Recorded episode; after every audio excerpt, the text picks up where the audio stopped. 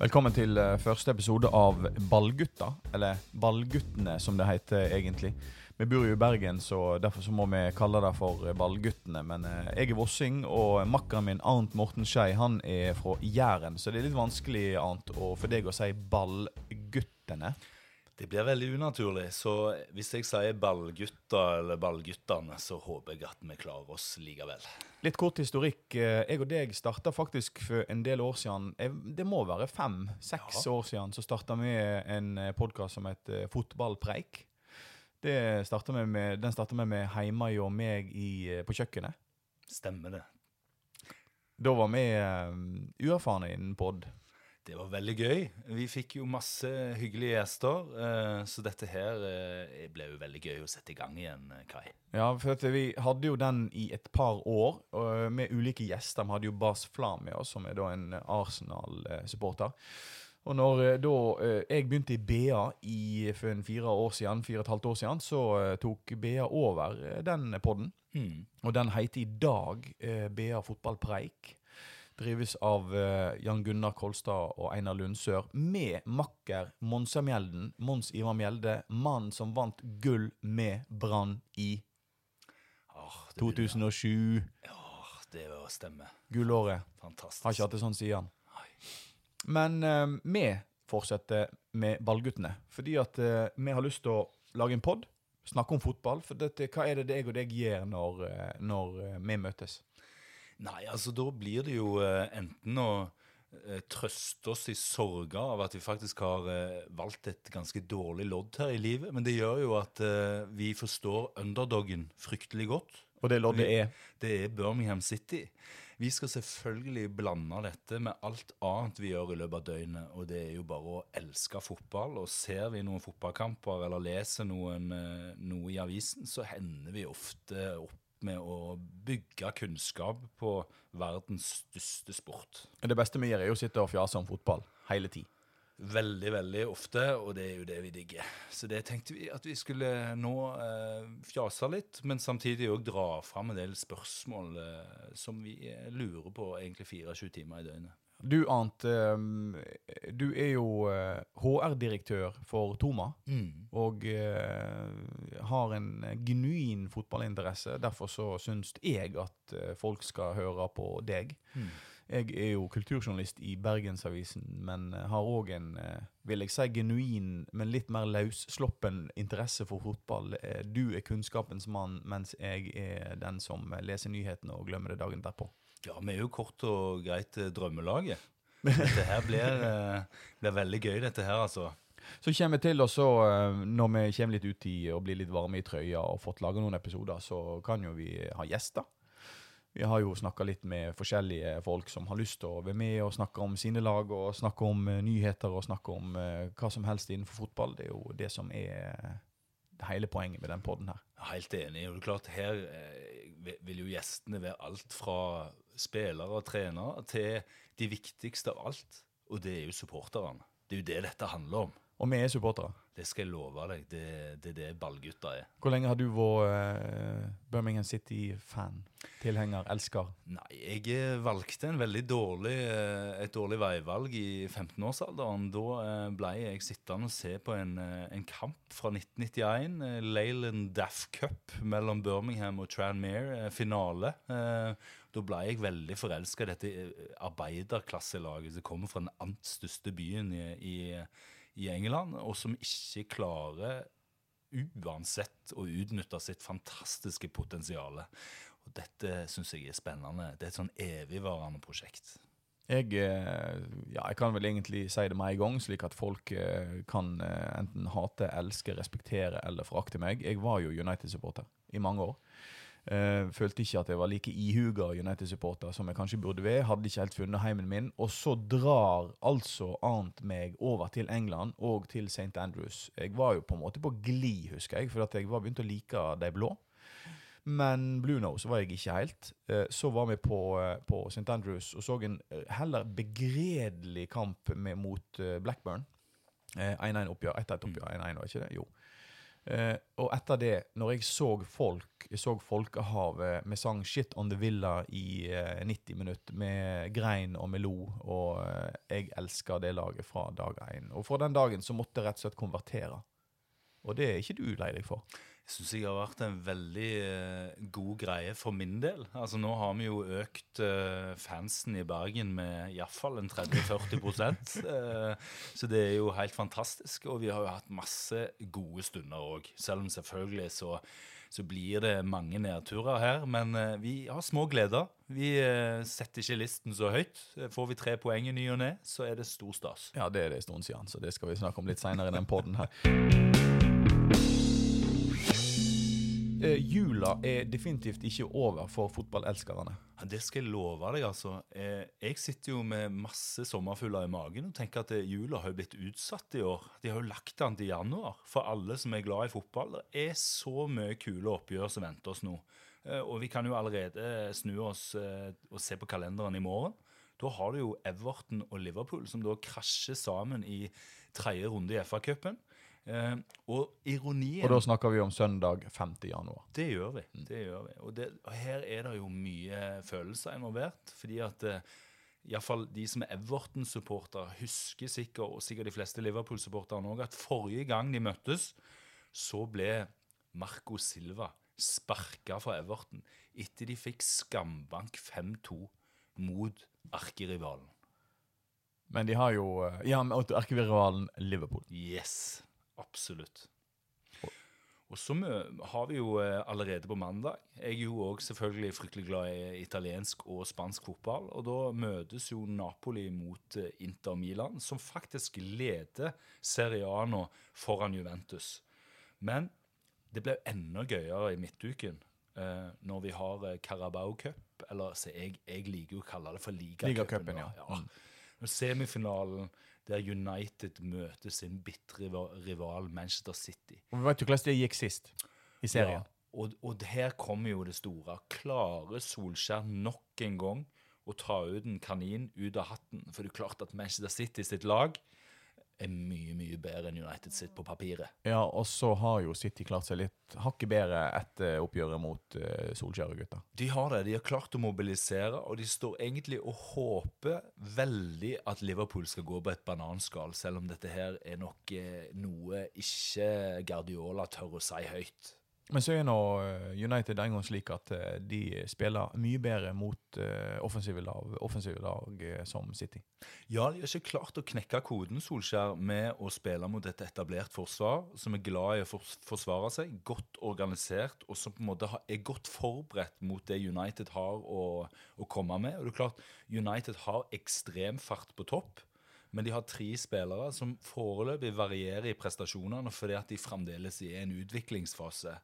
Eh, og United gjør klokt nok i å tenke litt på hvordan de skal eh, sikre at de har en større bredde i stallen sin nå i januar. Solskjær har nå vår manager, eh, vikarierende holdt på å si, og fast i et drøyt år. Eh, Hva tenker du nå? Du var ikke særlig positiv. Du mente at Pochettino kom til å få den jobben eh, ganske kjapt etterpå. Ja, altså det er jo derfor Hvis vi skal dra en parallell, da, så kommer jeg tilbake igjen til svaret ditt. Nå ble jo jeg så ivrig i tjenesten her når jeg får så deilige spørsmål. Det er klart at Hvis du ser Tottenham nå, så ser du det laget. Altså Nå så jeg dem mot Southampton når de tapte 1-0, og så ser jeg på høyre flanke så ser jeg en Sissoko, som er en 30-åring eh, med masse muskler, men som har skåret fire mål på 150 kamper. sant? Og så har du en argentiner der, La Celso, og så har du Aurier på bekken. Altså, det er et så svakt lag på papiret at jeg blir bare enda mer imponert over hva Pochettini fikk til. Og nå har Mourinho i tillegg fått Kane skada, og han Nkombele eh, ble òg skada i den kampen. Så jeg sitter og tenker at Mourinho kanskje har Balløya sin verste jobb akkurat nå, og på en måte gjenskape noe som eieren egentlig mener var under pari. i. det som Pochettini har gjort. Altså det, Den verste så jobben i Premier League i dag, det er Mourinho sin jobb? Ja, det mener jeg faktisk. Nå er Mourinho en fantastisk manager. Vi, vi lar oss lett eh, skyggelegge litt av det som skjedde i United. Og, men det er klart at han er en fantastisk manager, og han tar nok den utfordringen. Men jeg ser ganske mørkt på uansett hvem du er som skal over til ta den jobben. Jeg mener fortsatt at Pochettino er en av de beste managerne i verden. Ok, Men burde han tatt over United for at du tvinger deg til å svare på det, den negative holdningen du hadde for et uh, tre kvart år siden? Klart at jeg er sikkert en av de stolteste i Norge at vi har fått en norsk manager. Altså det gjør jo, og I og med at vi heier på Birmingham City, så har vi lov til å være litt sånn småforelska i Premier League-lag. I og med at vi, vi, er rimelig langt unna å bli en av eliten der. Eh, og Solskjær er en av de jeg følger eh, tettest. Jeg håper virkelig at han eh, lykkes. Det er jo klart at han har en mye mer ambisiøs oppgave enn de andre managerne. Han starter fra scratch med et ungt mannskap. Og de skal på en måte utvikle seg i takt med, med Solskjær sine ambisjoner. Eh, sånn at det, på kort sikt så tror jeg du skal være ganske sprø hvis du forventer noe annet enn at United kanskje klarer å karre seg til den fjerdeplassen hvis de er heldige. Hadde Pochettino tatt over, så hadde han forventa at eh, eierne la noen helt andre midler på bordet. Eh, de ville forventa i retur at han skulle stable på beina et lag som kunne konkurrere med Manchester City og Liverpool allerede i år. De hadde lagt lista et helt annet sted, og det håper jeg folk forstår. Men eh, apropos eh, innkjøp og kjøp og salg, vi er i januarvinduet nå. Det er så jækla gøy. Og vi har jo allerede fått noen sinnssyke kule overganger. Zlatan Ibrahimovic er tilbake igjen i Europa. Og det syns jeg er så ja, for et halvt år. kult. Ja, det kan godt være. Men den statsen han har i AC Milan, det gjør jo at de tenker jo at selveste Messias er tilbake igjen. Han hadde 61 kamper for AC Milan når han gikk derifra. 42 mål og 17 assist. Slå den. Så det er klart at det, folk glemmer at han er 38 år. Her kommer Gud tilbake igjen. Og nå skal han få sving på et AC Milan som virkelig sliter, mens Inter er oppe og lukter på seriegull. Så det er klart hele Milano nå har fått de vitaminsprøyta de trengte eh, på AC Milan-siden. Hvem eh, tror du eh, kommer til å bli kjøpsvinneren i januarvinduet i Premier League, da? Det blir vanskelig å si. Det er iallfall noen klare behov her. Eh, det var veldig trist å se at Arteta og Arsenal eh, fikk sin gjenreisning mot nettopp Solskjær og United. Eh, de imponerte meg veldig. Eh, spillere som har sovet i årevis, har plutselig våknet opp. Du kan si Etter Wenger så fikk du på en måte ikke den sulten inn i det Arsenal-laget. Arteta klarte å gjenskape det i den kampen. Jeg tror at hvis Arsenal skal levere stabilt, så er de nødt til å handle forsvarsspillere. De men du så jo det, det var jo stor forskjell på første og andre omgang i den kampen. der Første omgang dominerte jo Arsenal. Det var jo, det var jo eh, juniorspillere Arsenal møtte. Og så snudde, snudde, det seg, selv om United ikke klarte å hente opp igjen. Så, så, så du et skifte der. Ja, og det er klart at det jeg eh, Og det så vi jo litt mot Chelsea òg, når de tappte Slapp inn to mål de siste ti minutter. De gikk sliten. Eh, det jeg tror på en måte blir utfordringen for Arteta, er jo at eh, han kommer til å forvente at Arsenal på en måte bygger seg opp på samme måte som Manchester City. Du må være ekstremt godt trent for å på en måte gjenvinne ballen så tidlig som City alltid gjør når de legger presset høyt. Det kommer han til å gjøre med Arsenal. Og du ser jo den siste 25 minuttene, da er lufta tom. Så det blir veldig spennende å se om det er dette som på en måte kommer til å bli eh, eh situasjonen i kampene framover. At eh, mannskapet rett og slett ikke er godt nok trent for den type fotball.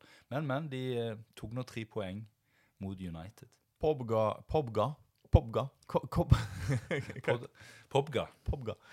Han eh, er jo da skada, som kjent, og skal opereres. Eh, McTominay er ute. United trenger forsterkninger. De gjør det, og, og det er klart at det, her er Solskjær veldig forsiktige. Fordi at han har ikke lyst til å gi uttrykk for at United går bort ifra den oppbyggingen sin.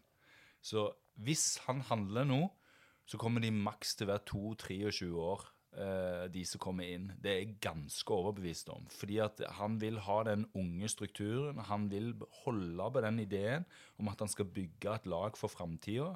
Uh, han vil ha alle samla. Så jeg tror ikke han gjør det store innhogget, men han må ha en midtbanespiller. Det er han nødt til å ha. Eh, jeg syns òg det knirker godt i det forsvaret, altså. Eh, fremdeles. Eh, Matic er ikke Matic er begynt å Han er over the top. Han er det. han er det. Så, og Fred er jo Han har faktisk levert mye bedre enn jeg hadde forventa, for mine forventninger til Fred var så lave. Eh, men, men, det er klart det blir ikke kreativt nok det for å havne i topp fire. Så her må det gjøres noe. Du, um, tilbake til Vi må hoppe litt. Grann. Det er jo sånn det er med eh, preiken vår. Uh, jeg, jeg, tenkte litt på det der med det du sa med Carabo Cup, ligacupen. Eh, har vi, har jo seriesystemet, vi har, eller seriekamper. Vi har Carabo Cup og vi har eh, FA Cup, som er på en måte de tre stolpene i britisk fotball. Eh, burde en slå sammen FA-cupen og Carabo Cup for å gjøre det hele litt mer interessant? Dette er jo en diskusjon som har vart lenge. fordi at nå sitter folk litt med opplevelsen av at både FA-cupen og ligacupen har falt i status eh, blitt erstatta selvfølgelig av, av både Europaliga og Champions League, og ikke minst at eh, Premier League har blitt så eh, konkurranseprega som det har blitt. Men vet du hva? Når jeg får gleden av å se eh, Port Whale spille borte mot Manchester City, og jeg vet at Manchester City kommer til å sette alle sine yngre spillere, så får du òg et vanvittig innblikk som fan. Altså, hvem er de ant beste spillerne? Og så er det òg litt sånn Noen tenker jo at dette her kan gi dem en, en billett eh, til Europa. Så de satser virkelig. Så får du en del sånne morsomme resultater, sånn som når Aston Villa Liverpool spilte, og Liverpool eh, hadde juniorlaget sitt, og Aston Villa vant 5-0. Um, ehm, så, det, det, er jo ikke et resultat, hvis du ser vekk fra spillerne på banen. Det er nei. ikke et resultat du er veldig vant med. Nei, nei da, og det er klart de koser seg med det, men uh, jeg syns jo at hvis du klarer å sette pris på at FA-cupen og ligacupen Kanskje, hvis du ser bort fra topp seks i Premier League, så er det fremdeles en ekstremt viktig konkurranse for de andre lagene. Og så er det noen i topp seks som innimellom eh, involverer seg eh, og satser på, på, å vinne den. Hvis du på en måte kan akseptere at United og Liverpool og kanskje Arsenal og disse store klubbene at de gjerne kjører med et litt sånn B-prega lag, men resten eh, mener fortsatt at det å få et trofé i skapet sitt er ekstremt viktig.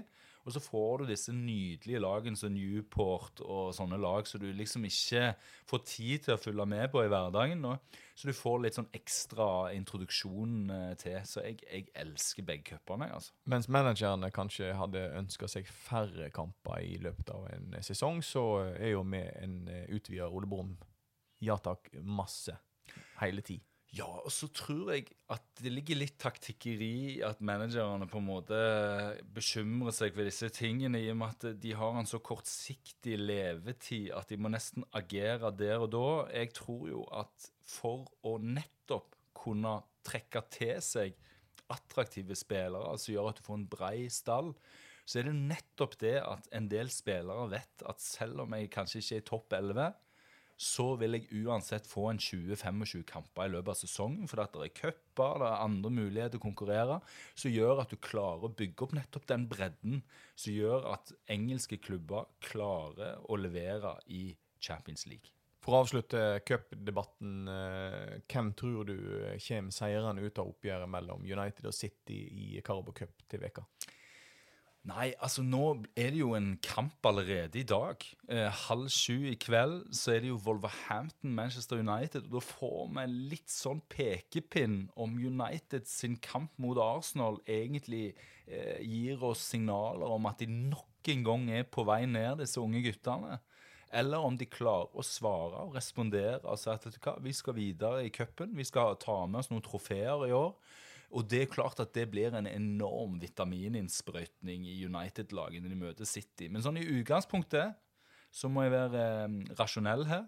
Jeg mener at, eh, at, det er 85% sjanse for at City går videre, selv om de ikke stiller med de aller, aller beste mot United.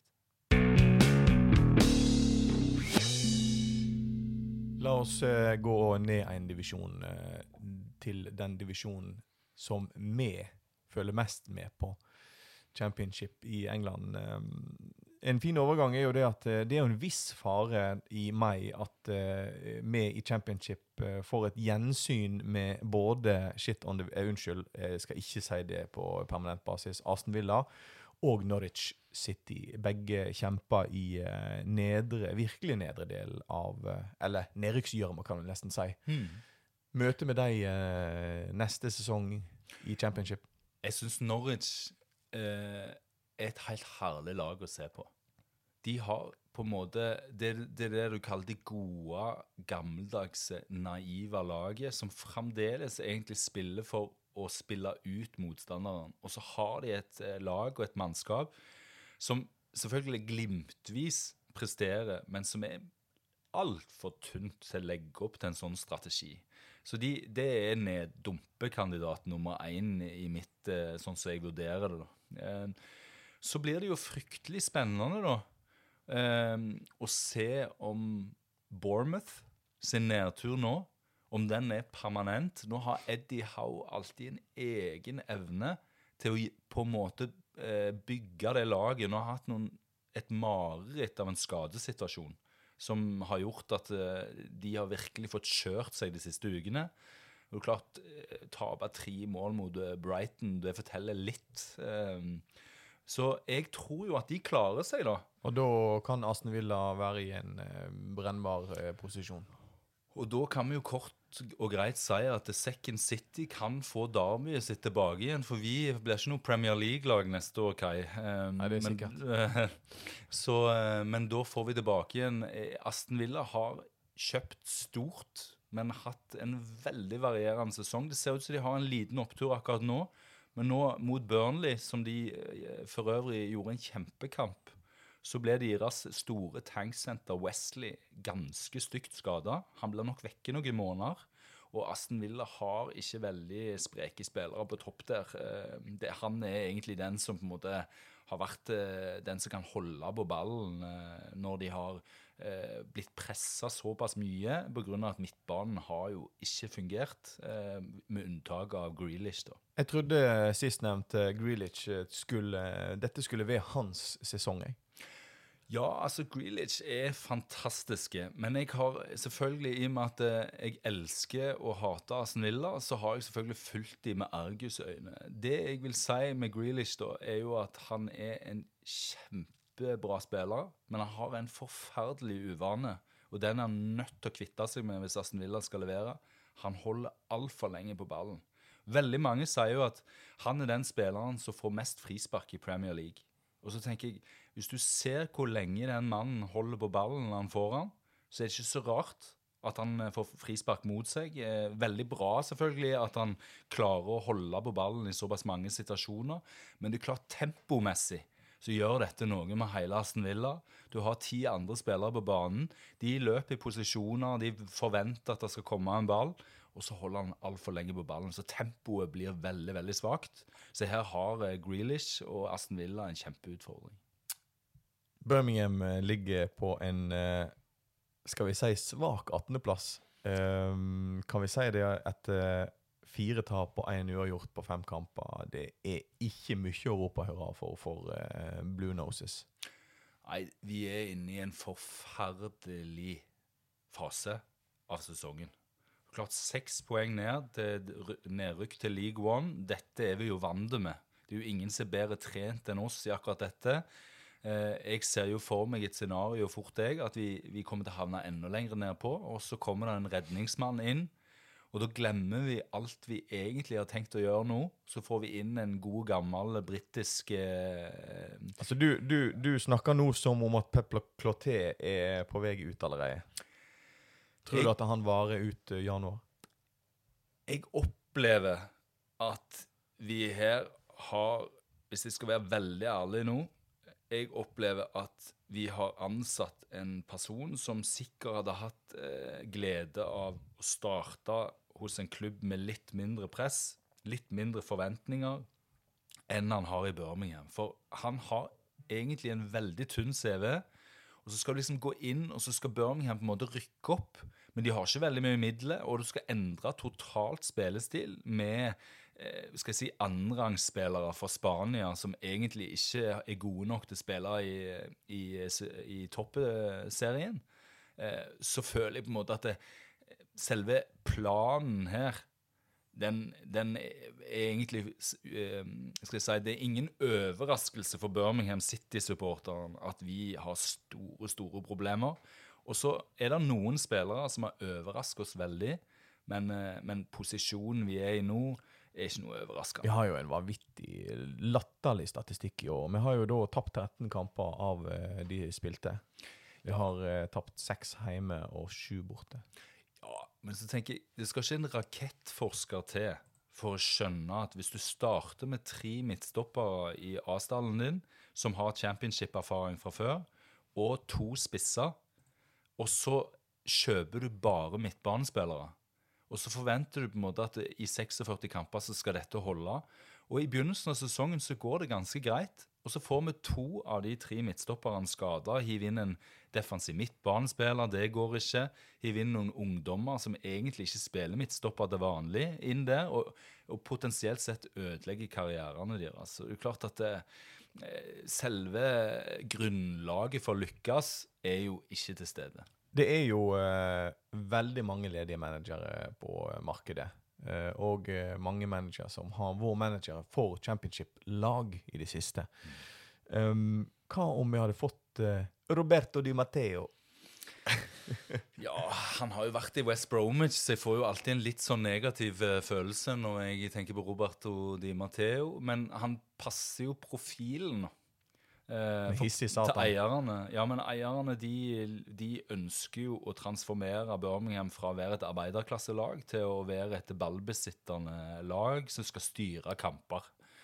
Um, og dette har vi jo aldri hatt noe verken historie eller gjort før, men det er liksom kinesiske eierne sin uh, hovedambisjon. Og her har jo Pep Clotet lykkes. Problemet er bare at vi trenger elleve sjanser for å skåre, og motstanderen trenger to. Og da blir det uansett hvor mye vi styrer, så ligner dette fryktelig på et annet prosjekt de hadde for bare et par år siden, som heter Gianfranco, Gianfranco Zola. Zola El Fiasco. Én seier på 2020 kamper. eh, Herregud, for en, eh, for en nedtur. Helt forferdelig. Men, men eh, så har vi òg Tony Pulis er ledig. Ja. Martin O'Neill er ledig. Altså, det finnes fo eh, fotballmanagere som er i stand til først låse bak, Mm. så tenke framover. Og det er ikke for seint. Annet. Men nå vet jo de engelske managerne at de får beholde jobben uh, uansett hvor bra de gjør det. Vi har jo vært på playoff-plass med både Gary Monk og Gary Rowett. Eh, Det er på en måte ikke godt nok for eierne, for det er ikke sexy nok fotball. Så nå spørs det hvor mange engelske managere som egentlig har lyst til å redde Birmingham City fra å rykke ned, for så å vite at ikke de legger opp til kul nok fotball, og blir altså da sparka selv om resultatene er til stede. Eh, Det høres lite fristende ut. Ja, Birmingham er vel kanskje ikke den mest attraktive klubben å trene i dag. Nei, jeg tror de bare må Så lenge vi har disse eierne og de har den filosofien de har, så tror jeg de bare må fortsette med den. Og så ser vi om dette vil koste et nedrykk for oss, eller om vi på en måte klarer etter hvert å, og gjerne eh, lykkes med, med denne type fotball. I så fall så må vi gjøre ytterligere investeringer nå i januar. For at ikke det skal bare være seks personer i hele dette landet som gidder å høre på oss, eh, eh, så må vi snakke om andre lag. Eh. Leeds leder tabellen igjen. Eh, Kommer de til å eh, eh, eh, tryne foran målstreken igjen? Leeds-supporterne har jo blitt kloke av disse skadene de har blitt påført. Sånn at de er veldig edruelige i år, opplever jeg de jeg har snakket med. At de har eh, drar fram litt statistikk om at de har vært i den situasjonen før. De har lyst til å ta en kamp om gangen, men de gleder seg selvfølgelig over den fantastiske fremgangen Leeds har. og Egentlig så har de ikke noe profilert målskårer, men allikevel hele laget bidrar både offensivt og defensivt. Eh, Jeg må si at det ser veldig veldig lovende ut for dem. Ja, jeg eh, håper. Jeg, eh, det er vel veldig få norske fotballsupportere som ikke liker Leeds. Altså, jeg, jeg tror jeg har følelsen av at de fleste har et forhold til Leeds. Ja, og det er klart eh, Vi har jo vært på Ellen Road, og det er klart det er fantastisk stemning. Det er jo fullsatte tribuner i dag. Det er et enormt engasjement rundt klubben. Og det er jo forsvinnende få klubber i området som er i nærheten av en sånn en eh, eh, samling av supportere som Leeds har. Altså Huddersfield og Bradford. Det er liksom ikke Det klinger ikke så vanvittig godt. Men så har du da et lag som faktisk ligger rett under eh, kvalik til, på tabellen, kvalikplass, som er drevet av en av våre tidligere managere, Millwall. Ja, Det er helt utrolig. Og her har du Gary Rowett i et nøtteskall, syns jeg. Altså, med små ressurser til rådighet og spillere som er villige til å være med på et system eh, så, som er kynisk, som er lite underholdende for fotballelskerens øyne, men som er dødelig effektivt. Og det er klart at det som gjør at han lyktes i Birmingham, som han, han gjorde en fantastisk jobb for oss, og som gjør at han lykkes i Millwall, er at du har spillere som skjønner at ikke de er Premier League-materiale, men de skjønner at hvis de er en del av et kollektiv, så har Gary Rowett full kontroll på hva han driver med. For, å være helt ærlig så burde eh, Birmingham ha beholdt Gary Rowett. Vi hadde vært en helt annen plass da, i dag. Jeg skal være veldig rampete, så skal jeg si at da hadde vi vært eh, der Millwall er i dag. Ja, Millwall ja, det, jeg, jeg, hadde, jeg, jeg, tenkte i hodet mitt når du sa dette nå, at det kanskje du, vi sa, ja, da hadde vi vært i Premier League. Ja, altså det er mulig. Altså Playoff tror jeg vi hadde vært i i fjor. eh, og vet du, det er 25% sjanse. Det er tøffe lag oppi der. Så, men vi ville vært oppe i toppen, og det er jo der vi har lyst til å være, uansett om det er en åttende eller fjerde. Eller, ja, så dette er jo bare noe vi bare kan spekulere og drømme om. Han eh, har skåra mål for både Everton, United og så Everton før han reiste utenlands. Eh, han har en sønn som heter Kai. Syns du jeg er veldig fint. Eh, nå har han nettopp returnert til England eh, med én målgivende pasning i Derby County. Hvem snakker jeg om da? Nei, Det er jo veldig kjekt å få den gode, gamle legenden Rooney tilbake igjen. 34 år, har briljert i amerikansk fotball og eh, vært tålmodig nå i forhold til at det er jo veldig eh, strenge overgangsklausuler eh, fra USA. Ehm, og så kom han innpå, og Derby Bare det å ha han på tribunen gjorde jo at de omtrent slo Charlton med at alle spillerne på en måte føler at de er med på noe stort. Og igjen da gjenskape en ny seier med Rooney på banen som kaptein. Siste ligatrinnet vi skal snakke om i dag eh, i engelsk fotball, er jo da eh, League Eh, du har en liten sånn gøy historie. Eh, heter det Wycombe Wonders, eller heter det Wickham? Det tenker jeg Jeg håper at noen lyttere kan hjelpe oss her. Eh, Jeg har hørt begge versjoner, og så husker jeg ikke om det var den norvenglische versjonen som var Wickham, eller om det var Wycombe, som det egentlig da skrives, eh, som er det riktige Til sammenligning som jeg kalte Leicester i når jeg var ung, Leicester. Ja, det tror jeg ikke du var alene om. Alle som Det var eh, Winchester, og det var Leicester. Jeg tror Arne Skeie òg bomma et par runder der før han hadde kontroll på den. Eh, nei, jeg, sånn som det skrives, så er det jo Wycombe. Så vi får gå for den, uh, og så får vi heller korrigere oss underveis. Men du, Og du har har, helt rett. de har jo en vanvittig eh, unik måte å holde publiket sitt eh, på en plass. Ja, altså, Livet smiler til det laget der for øyeblikket. For første gang på iallfall så lenge jeg kan huske, eh, så leder de League One-tabellen. Altså, Jeg tror ikke det var noen andre enn kanskje den innerste kjerna i, i Wickham, som, eller Wycombe, som trodde på dette. Og så ble nok familieklubben Ipswich, da, som ligger oppe og, og krangler med, med oppe i toppen, i playoff-plass, overraska de kom som besøkende til, til byen, og ble da eh, informert om at det var en eh, pub som heter White Horse, som skulle være eh, samlingsplassen for bortesupporterne. Utfordringen var jo at eh, når familieklubben er på reise, så eh, blir de litt overraska når de får beskjed i døra om at her er det 18-årsgrense. Men når de stiger inn i denne puben eh, White Horse, eh, så ser de jo at dette er jo en pub med strippere.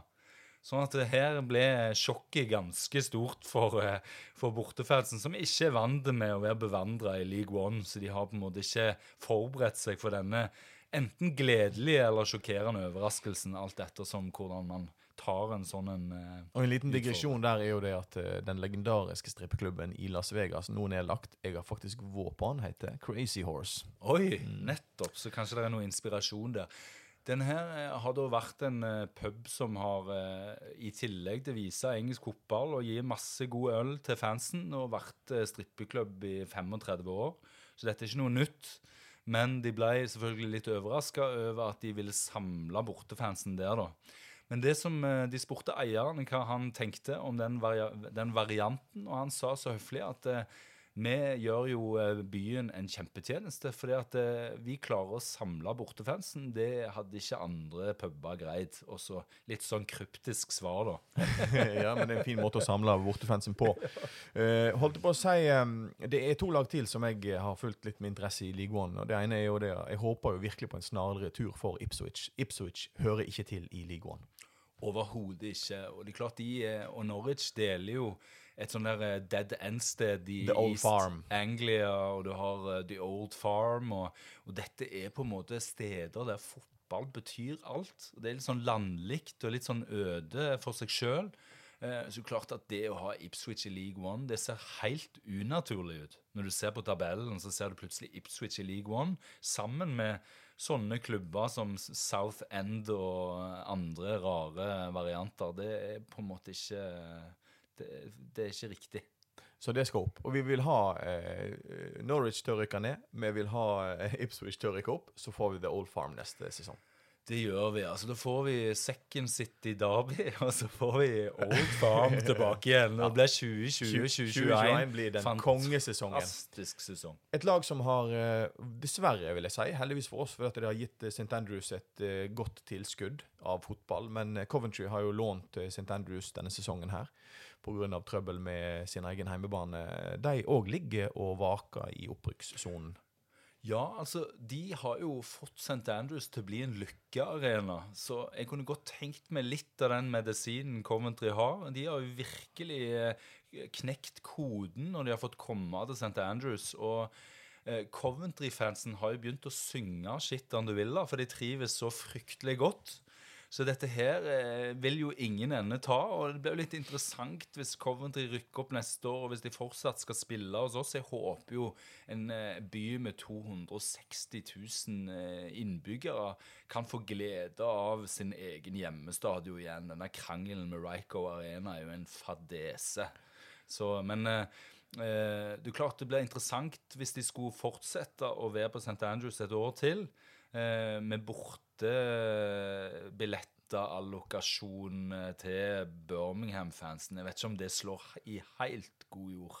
Eh, nå skal vi love en ting annet, og det er det at eh, vi er jo en pod for alle.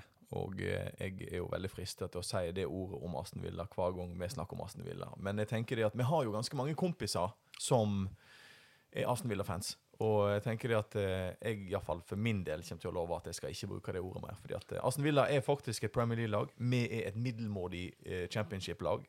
Det skal vi ha respekt for. Helt enig, og det er klart at jeg vil jo bare si at jeg refererte til Coventry-fansen sin. Det var jeg, det var ikke jeg som sa Ja, det. det er jeg har sagt shit nok ganger, og jeg skal ikke si det igjen. Det, det slutter vi med med umiddelbar virkning, kjære venn. Litt sånn eh, på tampen, eh, nyheter. Det viser seg at eh, vi får et nytt, i anførselstegn, norsk lag i Belgia. Deli eh, har signert i dag. Mats Møller Deli har signert for eh, belgiske Genk. Det var veldig, veldig gledelig. Det er bare dagen etterpå at uh, sønnen til uh, Tottenham, et keeperlegende, Erik Torstvedt uh, sin eh, Christian Torstvedt signerte for samme lag.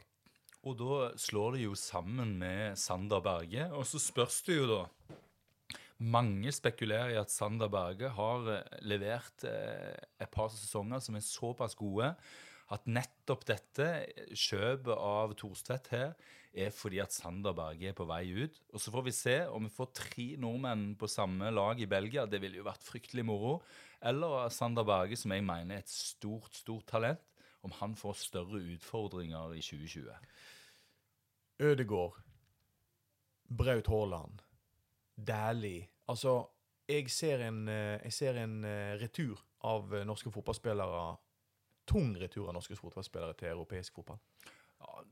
Norsk Fotballforbund og norske trenere eh, Norske ambisjoner for lag som på en måte i utgangspunktet står for breddeidrett, eh, har levert som bare eh, på et utrolig, utrolig nivå. Når vi ser at det, så mange unge spillere nå er på, på rask vei inn i europeisk eliteklassenivå. Klart det å ha en norsk fotballspiller som Ødegaard, som i utgangspunktet er så unorsk, for han er så sinnssyk på små flater, eh, er jo noe som varmer hjertet mitt, som gjør at jeg har blitt en real Sociedad-fan i, år. Ja, det er kult. Du, eh, vi har eh, prata oss eh, inn og ut, opp og ned i ligasystemet, i all hovedsak, så all hovedsak England. Um, det er vel i utgangspunktet det vi kommer til å gjøre. Det er engelsk fotball vi kommer til å snakke om. Det er det. Og det er klart, eh, nå ble det litt ekstra Birmingham nå, siden det var første sending. Vi skal selvfølgelig, vi forventer jo selvfølgelig at alle lytterne får dette som sitt andre lag i tida framover, men hovedingrediensen i disse programmene vil være fotball. Eh, engelsk, spansk, italiensk. Det som måtte falle oss inn. Det vi syns er spennende å dele med, med alle lytterne Ja, For dette er jo tufta på den eh, BA fotballpreik som vi har drevet før. Vi skal snakke om fotball, og vi skal kose oss. Det er vel det som er greia. Det er poenget. Ballgutta, eller ballguttene, vi må finne vår egen eh, verbale form her, men eh, det er jo da en podkast som du får på alle podkast-apper som du finner. Vi kommer til å søke oss, og det tar en uke, men vi kommer til å søke oss inn til, til Apple og blir mest sannsynlig godkjent. Da finner du den på absolutt alle apper som du får på smarttelefonene dine. Det jeg vet, er at innen få timer nå så vil du finne oss på Spotify. Og da kan du bare søke på Ballguttene. Så vil du finne oss to. eh, Og hvis du følger oss der, så blir vi veldig glad. Hvis du eh, kritiserer oss, så blir vi òg veldig glad. Hvis du skryter av oss, så vi, får vi en tåre i øynene våre. Men um, det som er greia her, er det at uh, vi har ikke tenkt å gi oss, selv om Birmingham ligger nede i driten. Nei, så Birmingham-supporterne sier 'keep right on'. Det er det som er greia. Da uh, ønsker vi uh, ja, ikke, Vi skal ikke ønske noe som helst, noe som helst. Vi skal ønske oss sjøl en god lørdag og se fotball. Ja, jeg vil ønske alle lytterne en riktig god julepresang. For det er januarprogrammet. Vi har så mye å snakke om, så mye å se, og så mye glede oss over. Konge. Vi snakkes igjen.